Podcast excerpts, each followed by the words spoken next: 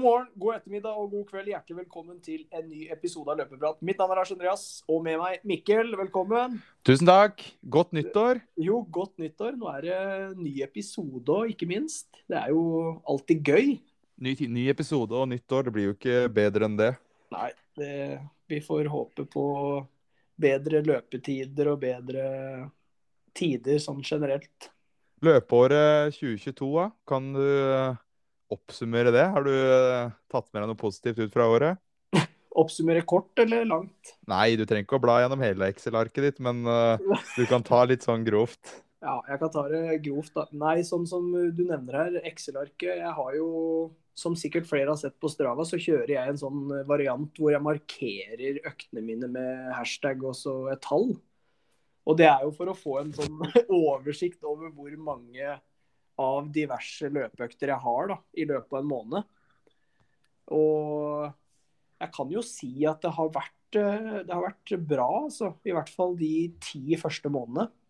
Ja, for jeg har vært inne og regna litt her på Du skjønner, når vi var her på 31., så gikk ja. jeg inn på stravaen din, og så delte jeg antall kilometer du har løpt på 365 dager. Ja, du gjorde det? Ja. Det har ikke jeg gjort sjøl engang, så hva endte du på? Nei, eh, jeg tror jeg endte på 125 km i uka i snitt. eller. Ja, men det kan eh, stemme bra, det. 6500 km, var det ikke det? Jo. Det er helt det, vilt. Det er solid. Nei, jeg starta veldig bra i januar da, med, med 672 km og ett uh, Tico-løp. Hvor det var ekstrem vind. Men det var, det var veldig gøy. Løp til 34,48 der. Mm. Og i februar så løp jeg en 3000 meter. Det var jo dagen før Eller dagen etter jeg Nei, før jeg fikk korona, vel. 9.26.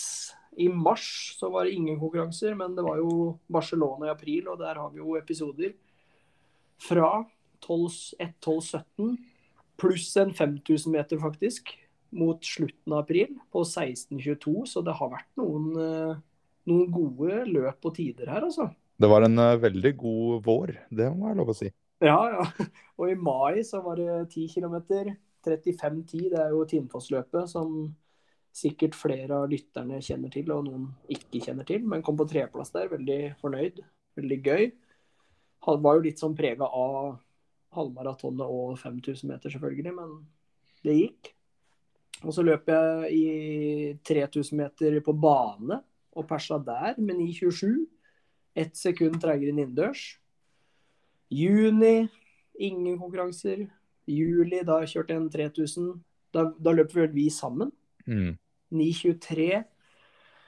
I august, ingen konkurranser. Drammen i september, 1.12,53. Og Oslo Maraton, 2.47,37.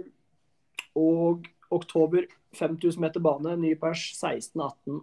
Og Tico bane hare, 33,58. Og så ingen i november, og i desember så var det jo Valencia maraton på 2.36,35. Så det har vært tolv konkurranser i år, og det er eh, Jeg er overraska, altså, for jeg, jeg, er ikke den som konkurrerer mye. Det, det sa jeg jo litt i starten av første, de første episodene. Ja, jeg husker det da jeg var i Valencia, så snakka vi om det i januar i fjor. Ja. Eller nei, det blir januar Jo, det blir januar i fjor. Ja. Uh, du skulle melde deg på mer konkurranser, prøve deg på litt løp, For jeg sa at det var så gøy, og det har du jo virkelig tatt til deg. da. Du har jo virkelig steppa opp gamet på den fronten. Jeg har det. Så det er gledelig.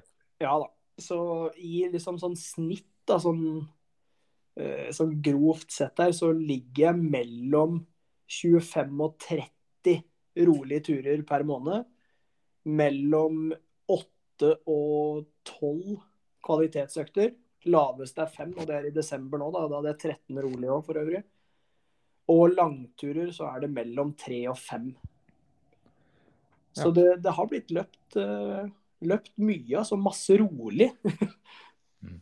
Hva i året som var da, var den beste opplevelsen du hadde? Oi, oi. Det er, eh, det er et sånt spørsmål rett på sparket her. Ja, men det er men, uh, Nei, jeg må jeg må faktisk være så ærlig å si at det er Barcelona halvmaraton. Altså. Ja. Det er det som ga meg gåsehud fra innerst i øret til uh, den tåa som er løs nå. Så Eller tåneglen, unnskyld. Ikke tå. Nei. Nei, så det, det Barcelona halvmaraton, det var helt uh, sykt og en sinnssyk opplevelse. Og, nei, alt bare klaffa. Mm, og det er godt å høre. For min egen del, altså Ja, jeg løper jo ikke like mye, men jeg endte vel på rundt uh, 3600 km i fjor. Jeg bedriver jo med litt andre ting òg, så ikke bare løping for min del. Det er jo litt styrketrening, så er det litt rulleski, ski osv. Ja. Men uh, jeg var jo òg med i uh, Barcelona, men først i januar så var jeg i Valencia og løp 10 km på 34,09. Forbedra meg kraftig der, og det er jo fortsatt persen min. Og så var jeg i Barcelona i april sammen med deg da, og løp 1.14,43 og uh, en ny kanonpers. Og etter det så ble jeg egentlig sjuk, og så skjedde det litt forskjellige saker som gjorde at det ikke ble en så veldig god periode. Og sommeren, da var det veldig mye jobb, så jeg tror jeg ikke fikk det utbyttet av treninga som jeg kunne ha fått, hadde jeg ikke drevet og jobba 11-12 timers dager. Så litt sånn halvveis sommer. Så kom vi til august der, meldte meg på København og halvmaraton og løp litt diverse løp, bl.a. Oslo Triatlon stafett for Ragde Eiendom. Og den vant vi. Jeg hadde naturligvis løpeetappen, så det var jo veldig stas. Det er jo et av høydepunktene i år. Så kom vi til september. Eller jeg begynte jo egentlig å jobbe på skole i august og var egentlig mye småsjuk helt fra august til oktober. Hele tida sånn sjukdom som aldri slapp. Men jeg fikk jo trent og meldte meg på i København. Der gikk det jo ikke helt veien. Det er jo en nedtur, får vi si. Løp 1,22, måtte stoppe på 11 km. Etter der så var det jo bare å karre seg i mål, egentlig. Mm. Og etter det så har det fortsatt å gå nedover. Nei da, det har ikke gått så gærent. Jeg blei nummer fire på Furumomila og blei og løp hvor mye fortere. Jeg løp vel nesten 40 sekunder fortere enn året før. Så det har ikke bare gått dårlig, altså. Fikk en uh, ny dårlig opplevelse på 10 km på norgestesten seinere i oktober, da. Men da, da var det heller ikke helt dagen da heller. Fordi jeg driver med mye annet, bl.a. jakt. Og når du skal drive og truge inn økter etter å ha gått på jakt, så er nok ikke det den beste kombinasjonen. Så jeg tror jeg har lært litt fra det. da, at de ukene, og de, spesielt de helgene da, hvor det jaktes både morgen og kveld, så kan jeg ikke presse inn kvalitetsøkter og langturer i det lille tidsrommet jeg har fri midt på dagen. Så det er noe jeg tar med meg fra i fjor, da. Mm. Og sånn min beste opplevelse, det, det er vanskelig å komme utafor Barcelona, altså. Det var stort. Men Valencia òg, den 10 km som går der i januar, det òg var jo helt rått, for det var jo mitt første løp i utlandet. Så kanskje Valencia var Nei, jeg tror jeg, jeg, tror jeg må falle på Barcelona, altså. Det var helt rått. Det gikk så mye over forventningene at det, det kommer jeg ikke til å glemme, altså. Ja, nei, det var samme med meg der. Og så var det veldig gøy at vi dro sammen òg, da. Det, det, gjorde jo mye. Ja, du hører det på de episodene som er spilt inn der, at det var det var mye forventninger, mye spenning, og gleden etterpå den var stor. Altså. Så det var en veldig fin opplevelse å kunne dele. Ja, absolutt. Men til i år, det har jo Eller til nå, det har jo blitt trent. Åssen var din forrige uke? Fikk du beveget på deg? Forrige uke, ja. Den har jeg nesten glemt. Bare for å Nå er det jo nytt år, og da må man legge bak seg alt som har skjedd. Ja. Så nei da. Jeg har, har, jeg, har fått trent, eller jeg fikk uh, Jeg kjørte på mandag. Så kjørte jeg en 17 km rolig. Det har blitt sånne lange turer, altså. Mm. Du har fått litt sånn Jeg veit hva det er, for nå skulle du til å si at du ikke veit, men det er fordi du har fått løpt så lite i det siste at du har litt sånn panikk uten at du sjøl veit det. Så nå skal du liksom ta igjen for alt det tapte. Og du løper en 7-8 km lenger på hver eneste rolig tur. Ja, det kan, men jeg får ikke, da er det jo bedre å bare kjøre dobbeltøkt. ja, ja, men du har et uh, hektisk liv, vet du. Du kan ikke Du får ikke tid til alt. Nei, det er sant. Nei, Så det ble 17 km der, så Mikkel kom i grunnen. Mangla noen kilometer. så nei, det var litt fristende å gå for 6500, da. Så så jeg at jeg mangla så og så mye, og da tenkte jeg kjør, da går det. Ja, det jeg tenkte meg. På tirsdag så ble det en dobbel ja, Jeg vet ikke om man kan kalle det terskel eller VO2 maks, men kjørte fem ganger seks minutter på 3.36. Føltes helt grusomt. Kjentes ut som at jeg ja, skulle dette mølla fra første draget der, så det var tungt. Men jeg tenkte det her er morgenøkta, den pleier jo å være tung. Og jeg hadde jo ferie òg, så da var det morgenøkt. Er klokka Jeg tror vi kjørte klokka ti. jeg. Så jo eh, Sikkert flere som kjører tidligere enn det. Mm. Men jeg tenkte at kroppen er sikkert råtten, og ja, sånt kan skje. Eh, På kvelden så kjørte jeg åtte ganger tre minutter på 3.30, så litt raskere, og det føltes litt bedre. Det var litt tungt i starten, men så blei det bedre utover økta, og da tenkte jeg ok, nå har ting løsna. Veldig fornuftig fart. Jeg sa jo det til deg, at det her, eh, her gjorde du alt etter boka.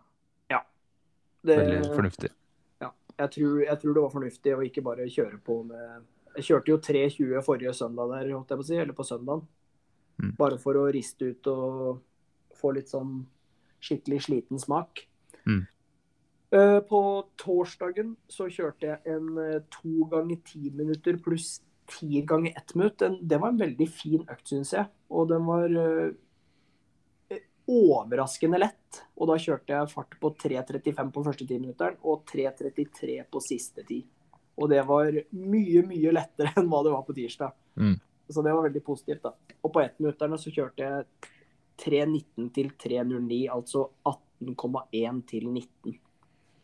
Ja, der får du med deg eh, gode, lange terskeldrag i tillegg til eh, meget god fart ned mot eh, 3.09. Da nærmer vi oss jo nesten 3000 meter. Ja, vi kan jo si 3,5 km fart. Ja, Så det var kilometer. veldig bra. Og jeg tror jeg kommer til å kjøre mer det nå på nyåret. Flere sånne Ja, kjører jeg ti ganger tre minutter, så kommer jeg til å legge på fem ganger ett minutt i tillegg. For det husker jeg gjorde det før Barcelona, og det ga meg, ga meg godt, tror jeg. da. Ja, høres fornuftig ut. Vi i hvert fall utforske med det. Mm. Eh, På fredag så kjørte jeg to rolige turer. Da ble det en 10 km på morgenen og så en 7 km på mølla på kvelden. For da var det faktisk så glatt ute at eh, jeg hadde på alle uteklærne og gikk bare ned i kjelleren og løp med bøff og lue og alt av rustning på. Og det ble varmt, men eh, det gikk. Så kom lørdagen, og da kjørte jeg egentlig hviledag, vel? Ja, stemmer. For det var nyttårsaften. Mm. Og ja, veldig fornøyd. så ja, var det 1. januar, da, og da kjørte jeg en 20 km på bar asfalt i starten. Og da gikk det veldig fort. Løp i Sky-skoa. Eller gikk veldig fort, gjorde det ikke, da, men det gikk eh, på en god fart veldig lett. Ja. Eh, og så kom jeg på gangstien, og da var det sånn is og grus. Og da ble jeg litt mer sånn Ja, hva skal man si? Uh, man blir litt sånn anspent når man løper på is og grus, for du veit ikke når du glir. Nei, jeg tror mange kjenner seg igjen i den der. Ja, så kom jeg på kilometer 13 eller hva det var, og da sklei jeg. Holdt på å gå på trynet. Og da begynte jeg å løpe ordentlig anspent. Så i dag så er jeg støl i hamstring og fremre lår. Så det anbefales nå, hvis du ikke har brodder, ikke løp på sånne der babysk eller sånne glatte, raske sko, eller løp på mølla.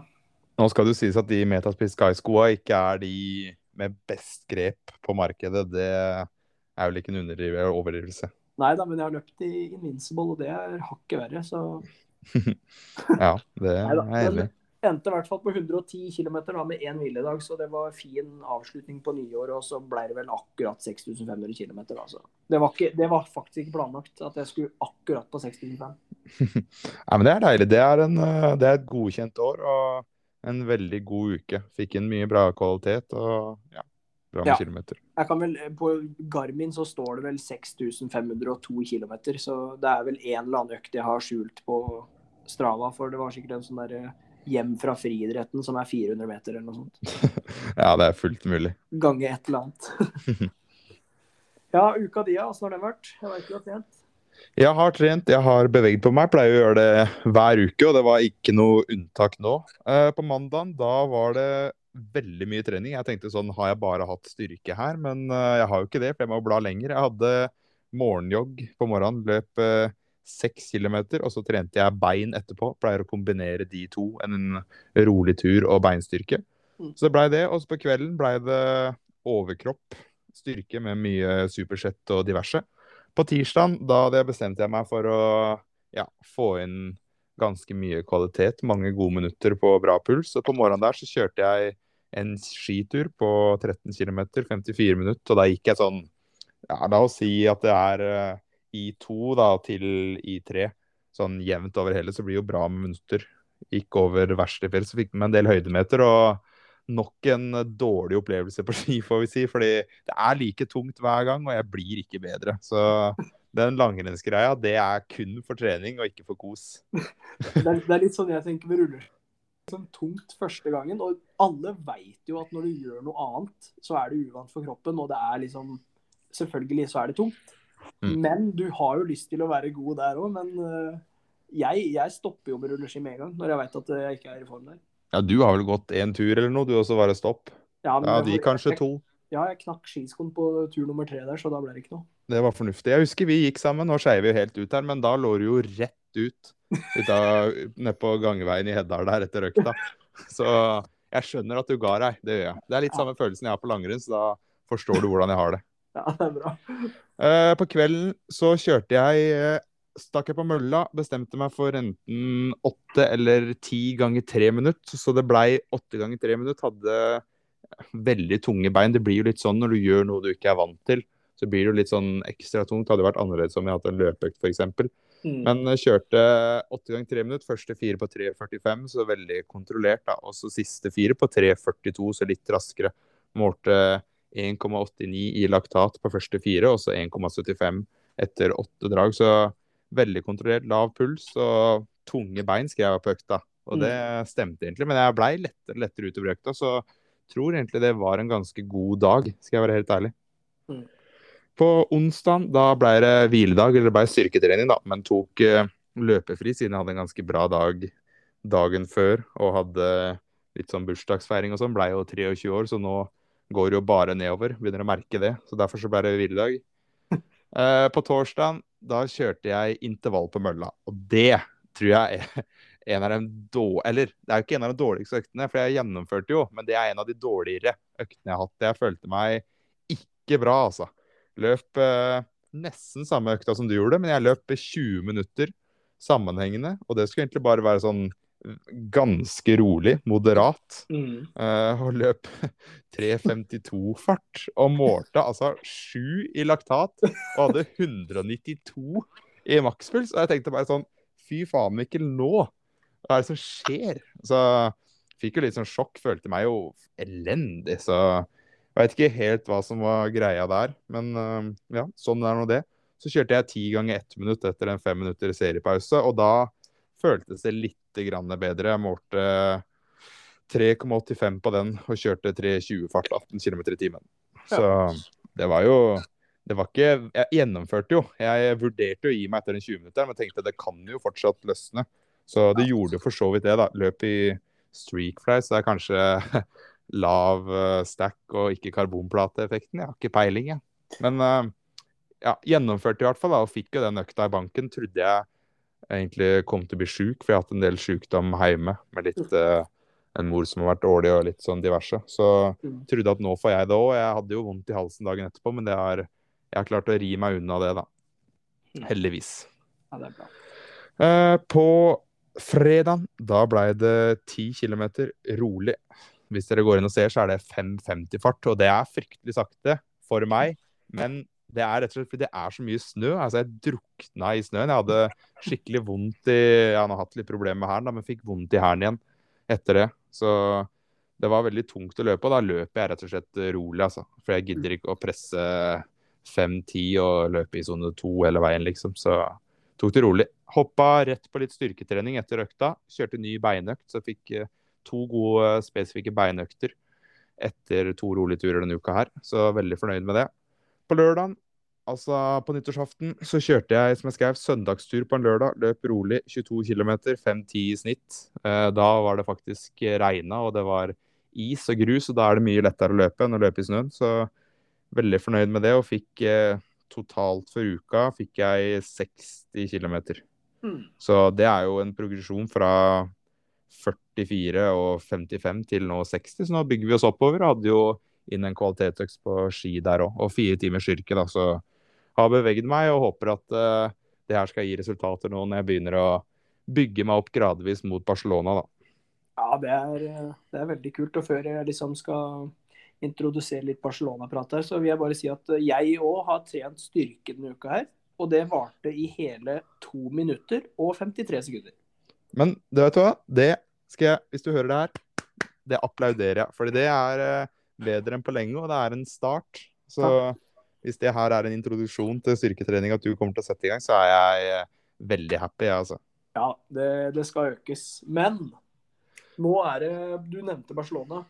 Ja, nå starter uh, den såkalte preppen. Nå er det sju, eller du kan egentlig si seks treningsuker igjen. Så nå må vi begynne å steppe opp. Kan ikke ligge på 40 km og tre kvalitetsøkter og ikke noe annet. Nå må vi begynne å løpe mer. Vi må ha inn uh, minst to kvalitetsøkter, gjerne en med godt volum, som jeg skal ha denne uka her. Og langturen den må begynne å være boks. Det var litt derfor jeg løp uh, 22 km forrige uke. Må begynne å bygge den opp mot 25. Og volumet det må økes gradvis. Jeg har lyst til å ende på rundt uh, en 85-90 km på den tredje siste uka da, før løpet. Så jeg har liksom tre uker på å bygge meg opp nå.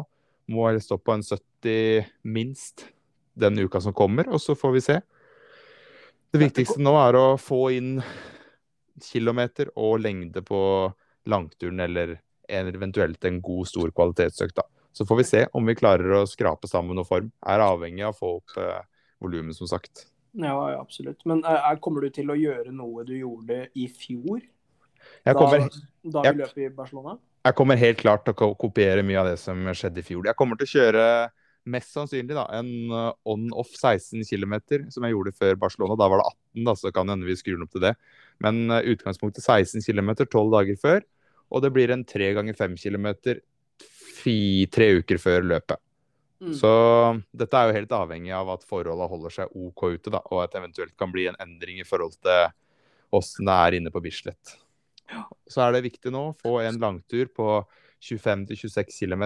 Den må inn. Og så blir disse kvalitetsøktene opp mot 15 og 16 km daglengde. Da.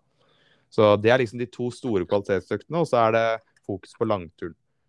Og det jeg vurderer å endre den perioden her, det er eh, den økta jeg har ni dager før Barcelona. For der har jeg pleid å kjøre en sånn formtoppingsøkt fem ganger 1000. Jeg vurderer å kjøre noe litt lenger med litt, bitte litt lavere intensitet, men fortsatt ganske hardt. da.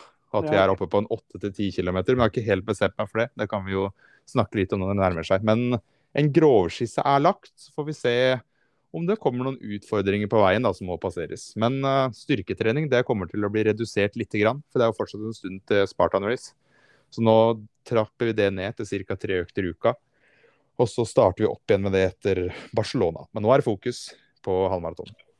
Ja, det er veldig gøy. Og vi er jo Vi kan jo si at vi har vært så heldige at eh, For du skal jo ikke løpe aleine der. Nei, jeg skal jo springe med en eh, jeg har blitt kjent med på SK Vidar-trening. Og jeg skal ha med meg eh, skal reise med en som også skal løpe, som løper sitt ti, eller som deltar i sitt tiende Norseman, så kanskje vi får med han. Men jeg har fått med meg en kompis nå da, fra SK Vidar-treninga som heter Morten Dalhaug. Han skal være med som gjest denne episoden her, og han skal jo også til Barcelona. Så det blir jo meget spennende å følge litt med på han. Han skal også være på en sånn liten Road to Barcelona-serie, holdt jeg på å si. Han skal innom litt diverse episoder, hvis han ikke ble helt skremt etter denne episoden her. Nei, vi får, vi får håpe at han holder seg, for det er veldig, veldig spennende å høre hva andre tenker om eh, hvordan de skal forberede seg til et uh, halvmaraton. For han har jo løpt eh, ganske habile tider, har han ikke det? Han har gode perser. Han har ett sekund dårligere enn deg på fem kilometer, og det sier jo sitt. Jeg tipper at eh, hvis han får stabla i gang treninga og kommer seg eh, godt i gang nå, så er nok ikke vi langt unna hverandre når vi skal løpe i Barcelona. Altså, så det, det blir spennende. Denne episoden her får vi vite litt mer om eh, han, rett og slett. Og åssen han starta med løping osv. Så, videre. så det er bare å glede seg.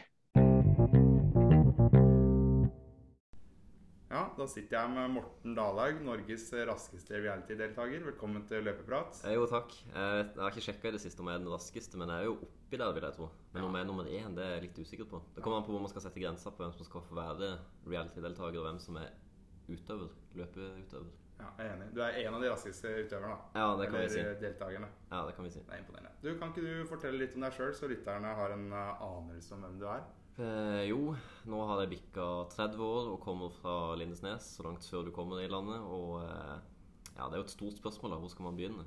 Hva er det, hva føler du jeg burde fokusere på her? Eh, nei, du kan jo eh, Nå har du sagt hvor gammel du er, så litt om eh, Ja, du kan jo fortelle litt om hvorfor du starta løpet, egentlig. Eh, jo, altså Jeg er jo kanskje en koronaløper sånn egentlig. At det var da jeg virkelig bestemte meg for å satse, i anførselstegn. Og sette meg litt ned i hva er det løpere gjør for å bli god i løping.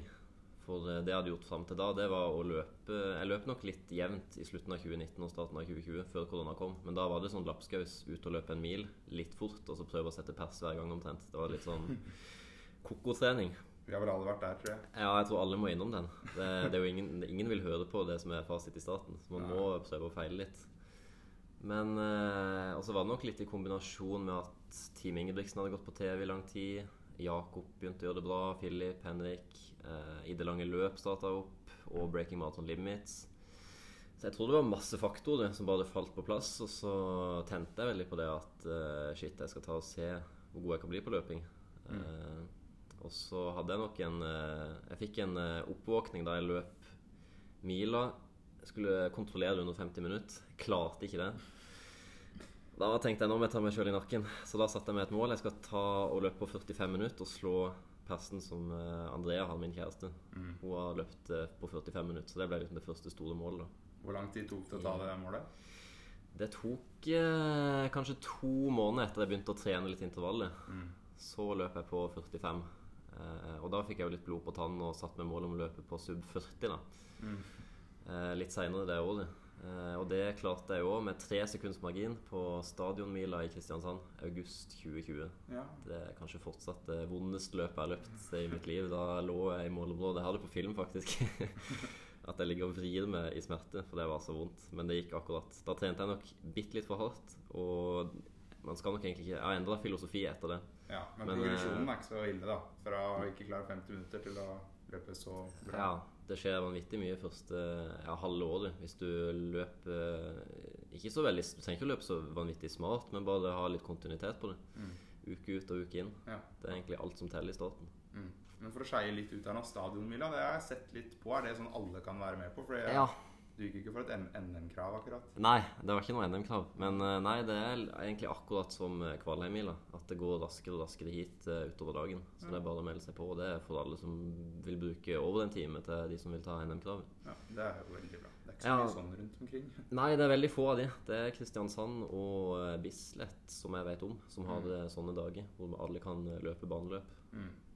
Men du, eh, reality-deltaker, det må vi bare komme inn på. Snei Hva er det du har vært eh, Hvilken reality har du vært med på, egentlig? Nei, jeg var med på Love Island i 2018. Eh, skjedde egentlig veldig spontant og ikke noe planlagt, egentlig, sånn sett. Nei. Så jeg satt der på flyplassen og fløy ned på Love Island samme dag som andreåret på lektorstudiet egentlig skulle begynne. Oh, ja. Så jeg satt jo og var skikkelig usikker, men eh, jeg angrer ikke på det nå. Kom Nei. hjem med kjæreste, og vi vant 500 000 og kunne kjøpe vårt første hjem sammen i Kristiansand, og nå bor vi her i Oslo. og ja, Har egentlig levd av sosiale medier siden da, og jeg har ikke angra noe på det. Og så lar jo den jobben den, gjør den passer jo perfekt med løping. Det å jobbe med sosiale medier og jobbe med eget selskap. og kunne kombinere det med løping og sysle det litt inn nå i jobben min, det er jo fantastisk. Mm. Så jeg er jo bortskjemt sånn sett. ja, det høres helt magisk ut. Jeg så faktisk på den sesongen, så jeg trenger ikke å spørre om hva du var med på, men eh, jeg fulgte med. Ja, det er kult. Det var gøy å se på. Det er eh, artig at det gikk så bra. Ja, altså Jeg sleit jo faktisk litt uh, med klær. For jeg regnet med at jeg kom til å ryke så tidlig. Så jeg hadde jo så lite klær på slutten. Altså Ting gikk jo på omgang. Jeg måtte låne andre deltakere. For jeg var sånn Det, det er ikke sjans at jeg kommer ned dit og vinner. Men uh, Nei, det var litt morsomt. Ja, er imponerende. Men nå sitter du med en hettejakke. Ja. Det står løpelabbe på. Har du Yes. begynt der òg? Ja, jeg fikk eh, jobb der i oktober. Så nå er det ferdig med opplæring og får lov til å jobbe alene og finne sko til kunde. Så det er veldig kult. Ja. Jeg brenner jo veldig for sko. Jeg kan jo sitte på YouTube eh, Det er egentlig hver morgen når vi står opp, så går Andrea ut med hunden, og så setter jeg meg ned med tre brødskiver og pålegg og sjokolademelk, og så ser jeg på YouTube og ser om det har kommet noen nye skovideoer. Så du plager ikke hun med sko eller skoprat? Jeg gjorde det før, men hun er veldig glad for at jeg fikk jobb på Løplabbet, så jeg kan snakke ifra meg på, eh, på jobb. Ja, det skjønner jeg. Jeg husker jo jeg var nede om løpelabbet en gang, og jeg fikk jo prata ifra meg der, jeg òg. Ja. Og Samboeren min var jo ganske fornøyd med det. Ja, hun kjenner til samme problemet. Ja, samme problemet her. Ja. Men uh, når vi er litt innom løpesko Jeg er jo fryktelig interessert, jeg òg. Og jeg antar at du har noen eh, favorittsko. Har du det, eller? Noe du alltid går til? Eller konkurranse, trening? Ja, eh, sånn hvis man skulle tatt med et par sko til Nødøy, så er det jo det kjedelige svaret. Det er jo Vaporflyen. Eh, som alltid kommer igjen. Man skulle ønske at man kunne svare noe annet. Men uh, den, er, den er fortsatt uslåelig hvis man skal velge én sko Ja. til konkurranse. Uh, I trening akkurat nå, hvis jeg skal velge én sko der òg, Mm. så er det nok eh, Puma Deviate Nitro som faktisk har tatt uh, tronen der. Nå har ikke jeg testa så fryktelig mye Saucony enda, og Adidas. Så de kan jo hevde seg. Men uh, Puma de har virkelig kommet på banen i år. Ja. Så jeg er blitt en liten Puma-ambassadør, faktisk. Og det hadde jeg aldri trodd jeg skulle bli. Nei, jeg er helt enig. Jeg har jo kommet litt opp på det kjøret der sjøl. Ja. Men har du prøvd den eh, toeren, eller er det bare eneren du har? Nei, toeren har jeg ikke prøvd ennå, men uh, den har jeg solgt veldig mye av. Ja. Uh, og den virker jo som en enda bedre versjon av den første. ja. Så du kommer bare til å falle mer og mer, du, for den Ja, ja. Jeg sparer toeren. Den skal jeg bruke når isen og snøen går. Så skal jeg kjøpe Deviate Nitro 2. Ja. Ja. Det høres bra ut. Men er det en type sånn allround-sko som kan brukes til alt, eller tenker du at den bare er til rolig trening? Nei, absolutt på intervall òg. Jeg har brukt den. Også Puma Gripen nå er jo veldig vennlig på Den tåler jo veldig mye. Så den hadde jeg kjørt på grus på 1000 meter på Voldsløkka og eh, rolig tur på asfalten. Og det er en sånn der arbeidshest som er morsom å levere på egentlig alt. Det er det som jeg liker med den skoen. Ja. Så hvis en, eh, det kommer en løper som bare skal ha én sko, da, så er det en sko som du kunne brukt til alt, egentlig? Ja, veldig raskt med å anbefale den, eh, sammen med et par andre alternativ. da Man Mm. har jo Saucony Speeden, for eksempel, eh, som et annet alternativ. Men eh, Pumaen er jo alltid med der. Eneste er at han kan nok oppleves bitte litt smal hvis man er veldig bred i foten. Er det eneste jeg hadde utsatt på skoen. Mm. Ja. Men det er ikke et problem for min del, så jeg elsker jo Puma. Nei, det er bra. Ja, men da fikk vi et uh, skotips òg. Det er ikke, det er ikke gærent. Nei. Men uh, dine beste løpsopplevelser, har du noen sånne som stikker seg ut, som uh, liksom husker? Ja, det var jo som jeg sa innledningsvis å bli en 39-57-løper på stadionmila i Kristiansand. Husker jo at det var august 2020, og at vi gikk ut og spiste tapas etterpå. At det var liksom sånn Shit, nå, nå har jeg nådd det. Men det som er morsomt, er at jeg tenkte nå har jeg nådd taket mitt. Det var liksom Det var det løpet. Ja. Nå hadde jeg får ikke mer ut av den kroppen her. Uh, så det å sitte Vi kan jo hoppe litt fram i tida da, før vi hopper tilbake igjen. Men uh, det å liksom løpe 34-25 to uker etter maraton, uh, da vi løp sammen på uh, norgestesten der Mm.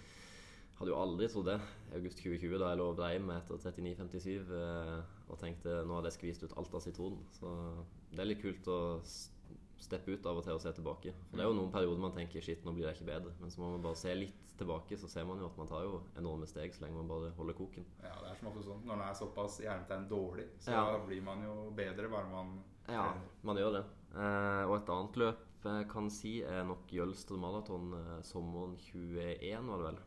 Oh. Da løp jeg litt spontant det òg. Ble oppfordra av en kompis som hadde hytte i nærheten. Og liksom bare Ja, ta turen opp, meld deg, du kan løpe maraton, du. Jeg trente jo ikke noe sånn veldig for maraton det året, egentlig. Nei. Var det da det var NM? Nei. Jo, det var NM òg.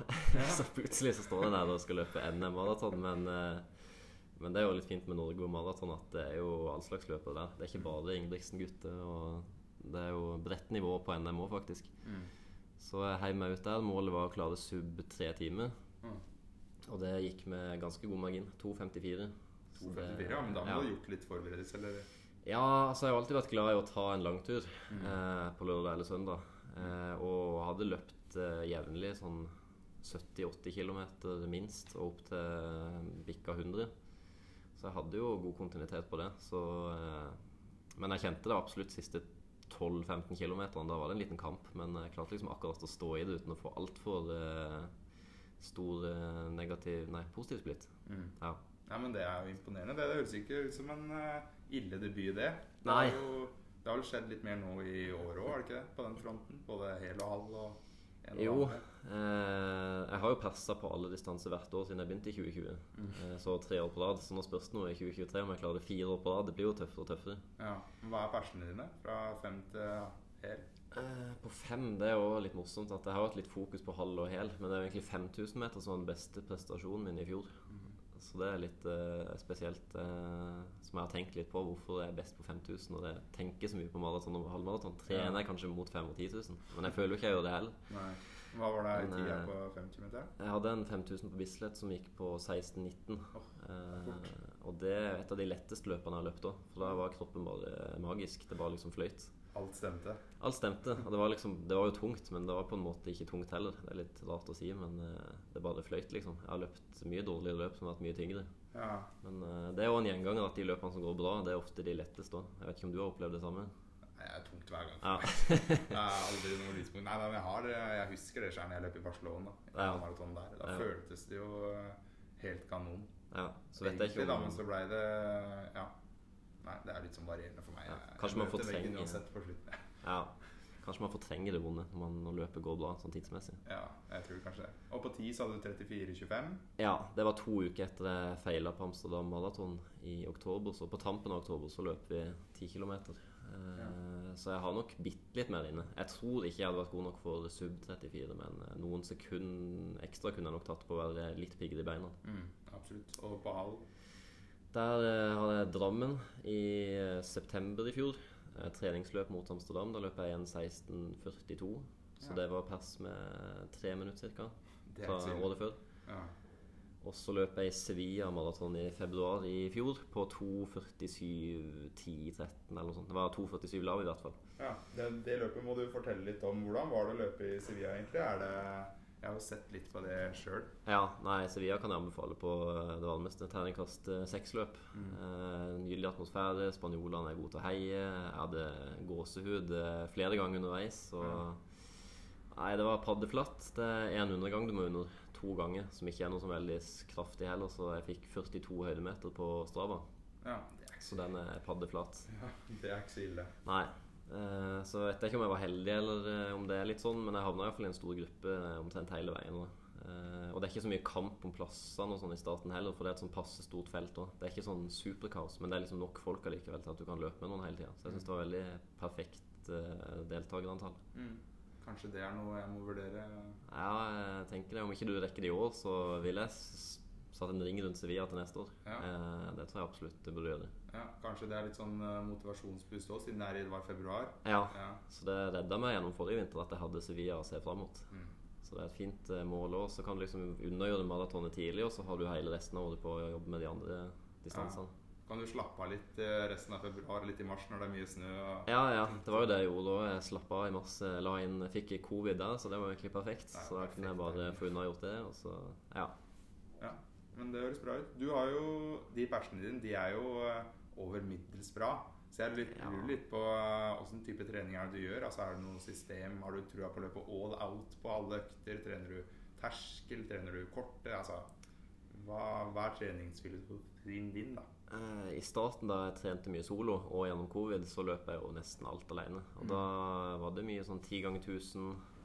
Eh, mye det som var liksom ned mot 3.30. Jeg løp nok litt for fort, for da var jeg nok egentlig ikke på det nivået.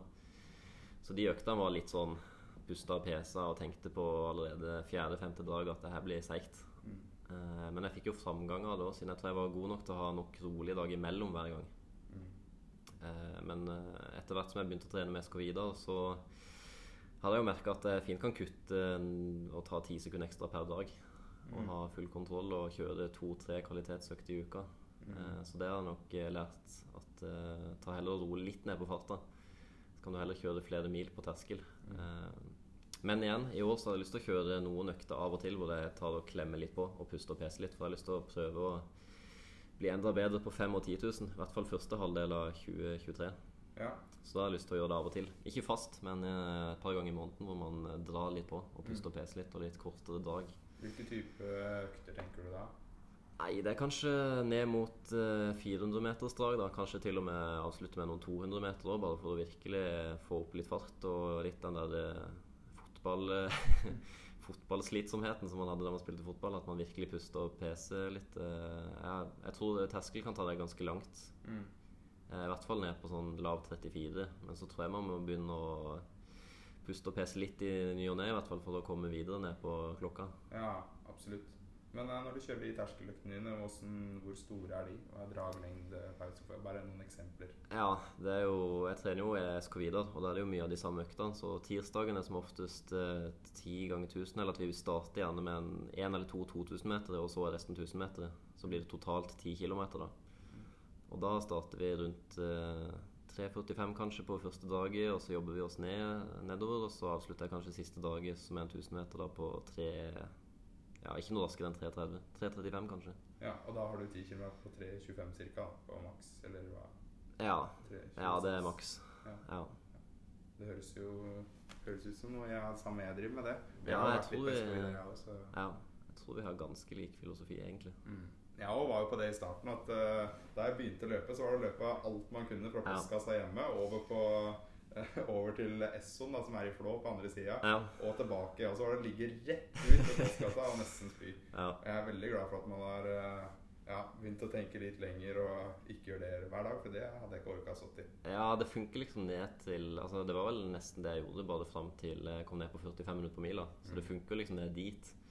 Men så er det jo det hvor morsomt det er å holde på sånn, og hvor bærekraftig er det. Det er ikke så veldig eh, givende heller å trene sånn. Men eh, da har man gjort og lært av det. Ja, absolutt.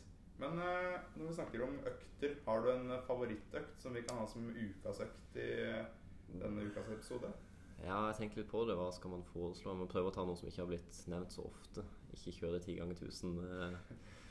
Men eh, hvis man skal trene mot maraton, kanskje mot Sevilla, så likte jeg veldig godt å kjøre f.eks. fem ganger fem kilometer, men at du har én kilometer flytpause innimellom der. Hvis det er en sånn fin maratonøkt. Eh, Den likte jeg veldig godt. Den kjørte jeg mot Amsterdam og mot Sevilla. Da får du høyt volum, og eh, de første dagene kan gjerne gå eh, 15-20 sekunder over maratonfarta di, og så kan siste draget kanskje være ned mot maratonfart.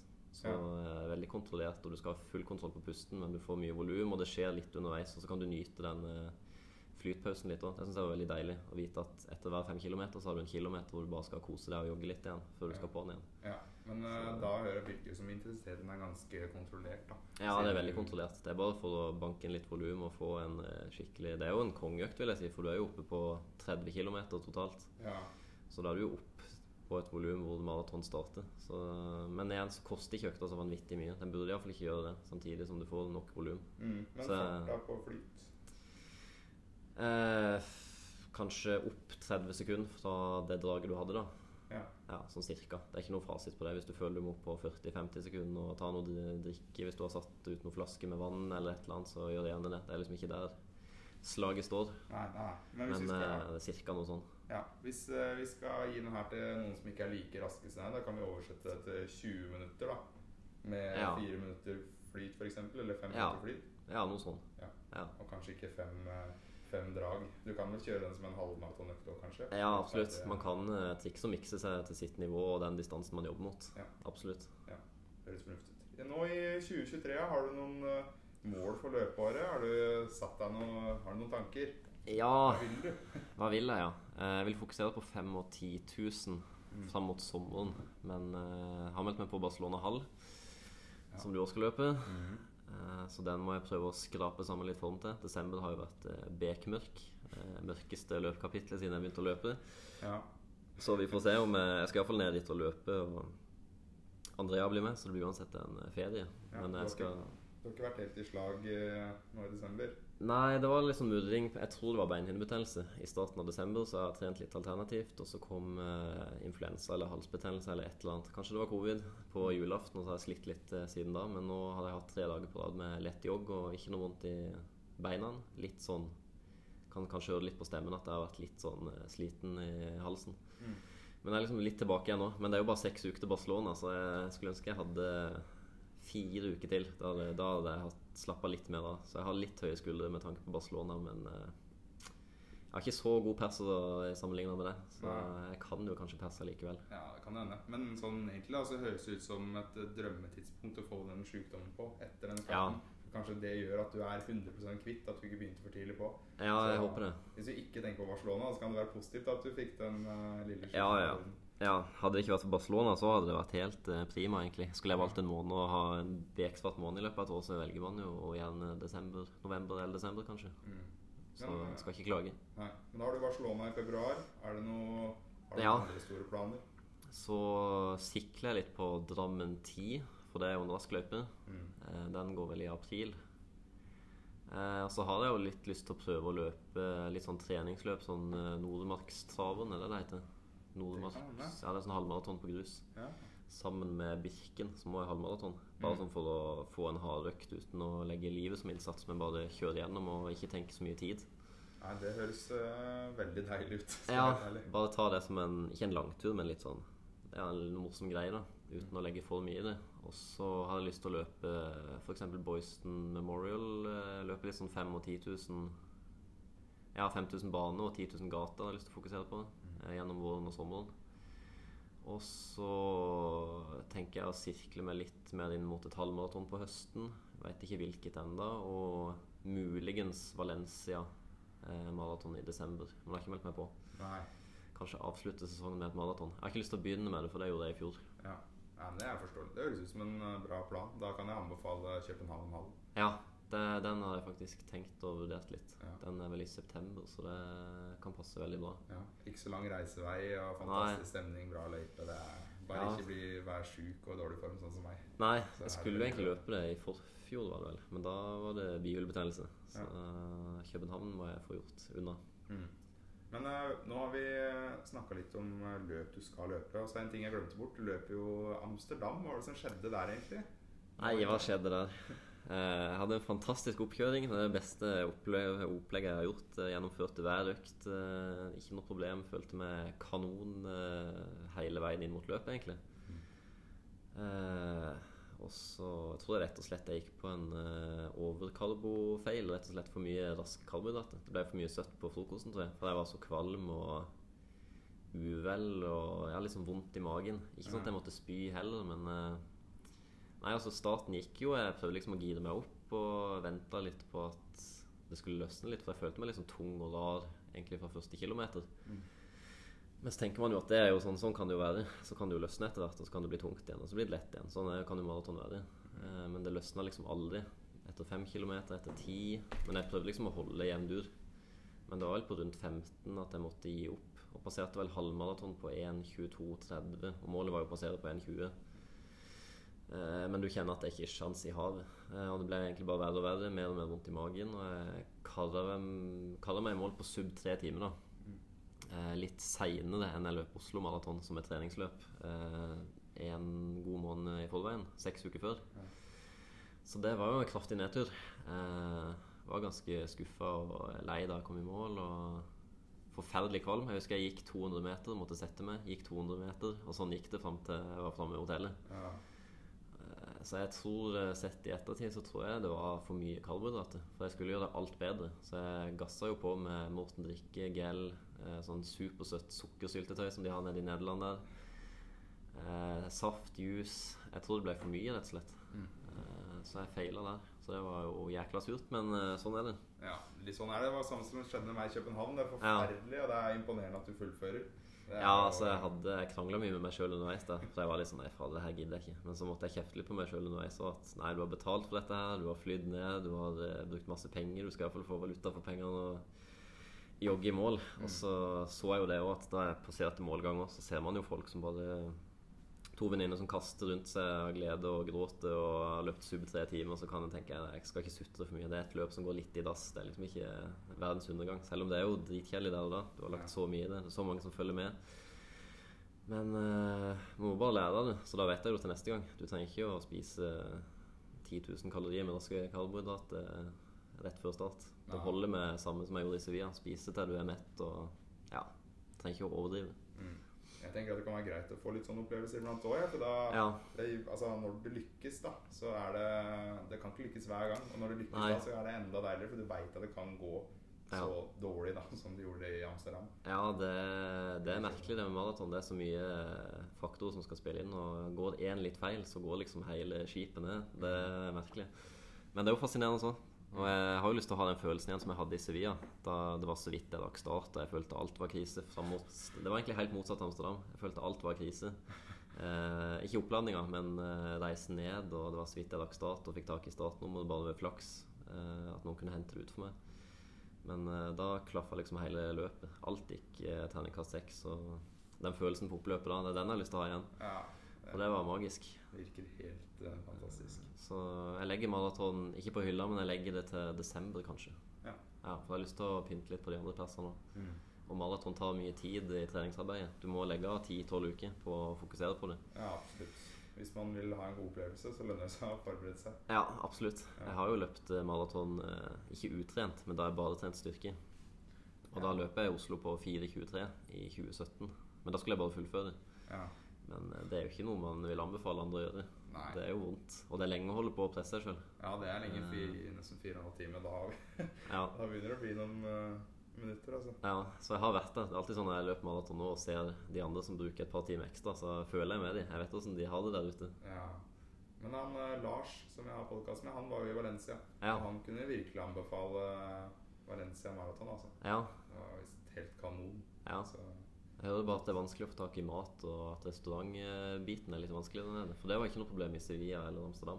nei. nei, det samme sa jo dem. Og jeg var jo Ja. i Valencia i januar. Ja, Og vi bare Vi googla et spisested om vi fant noe, da. Og det var jo nesten ingenting. Så vi Nei. måtte jo gå og surre rundt i Valencia der for å finne noe. Og fant en gate til slutt, da. Ja. Så jeg veit sånn halvveis hvor det er noe mat. Men eh, det skal ikke være enkelt å finne seg mat der, nei. Ja, jeg ble litt skremt av det når jeg hørte det i en episode her. Ja. Så jeg må finne ut av det, og så skal jeg kanskje melde meg på. Hvis jeg finner noen sikre matplasser, for det er viktig. Ja, Så det er det viktigste om du melder deg på der.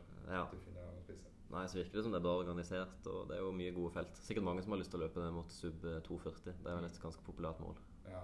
Så er det et eller annet med den byen der som er bare Det Ja. skriker løp fort', liksom. Det er Ja. helt vilt. Jeg håper det blir sånn i Barcelona òg, når vi skal ned dit. Ja, for du, du skal jo dit, og det skal jo jeg òg. Og Ja. jeg må jo høre litt nå. Nå har du jo ikke løpt noen ting på lenge før de siste dagene nå. Har du Nei. noe, Hva er planen fram mot Barcelona, egentlig? Har du lagt deg noen tanker, eller eh, Ja, altså? Nå må jeg ha en januarmåned hvor ting bare flyter. Det er helt avhengig av hvis det skal bli pers, i hvert fall. Ja. Eh, Så det blir nok egentlig bare å hive seg på videre økt. Og så skal jeg nok ned allerede i morgen, på tirsdag, og så kjøre i en gruppe treigere enn det jeg pleier å ha, bare for å få en myk start. Mm. For jeg kjenner jo at jeg har muskulert muskulært banka i beina bare av tre rolige joggeturer. Så det er jo helt vanvittig, og kroppen er forfaller. Og trening er ferskvare. Mm. Absolutt. Eh, Så litt rolig start, men jeg kan ikke slappe for mye av heller, så Nei, det Ser litt mørkt på det, men eh, det, kan, det snur fort i løping. Man kan eh, Kanskje jeg sitter her om fire uker og har skikkelig troa. Jeg håper jo det. Ja, Skal iallfall gjøre det mitt for å stille opp i Barcelona best mulig i form. Mm. Har du noen sånne økter du må ha, tenker du, før halvmaraton? I Barcelona nå? Nei, det er egentlig bare å få kontinuitet. Få minst to eh, terskeløkter inn. Og så muligens også på lørdagen òg, så jeg får tre. Tre økter i uka. Bare jeg leverer jevn dur, så pleier man som regel å bli i OK form. Ja. Så det er ikke så mye hokus pokus.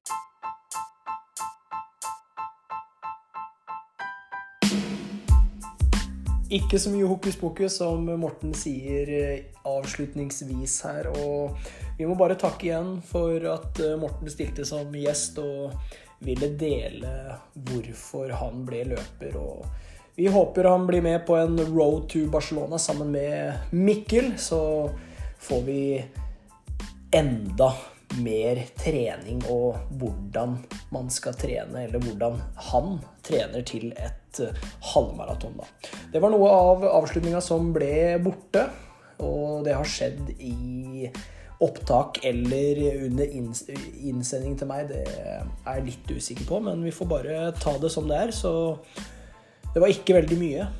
Så vi får bare ønske dere en riktig god kommende treningsuke og et fortsatt godt nyttår. Vi løpes!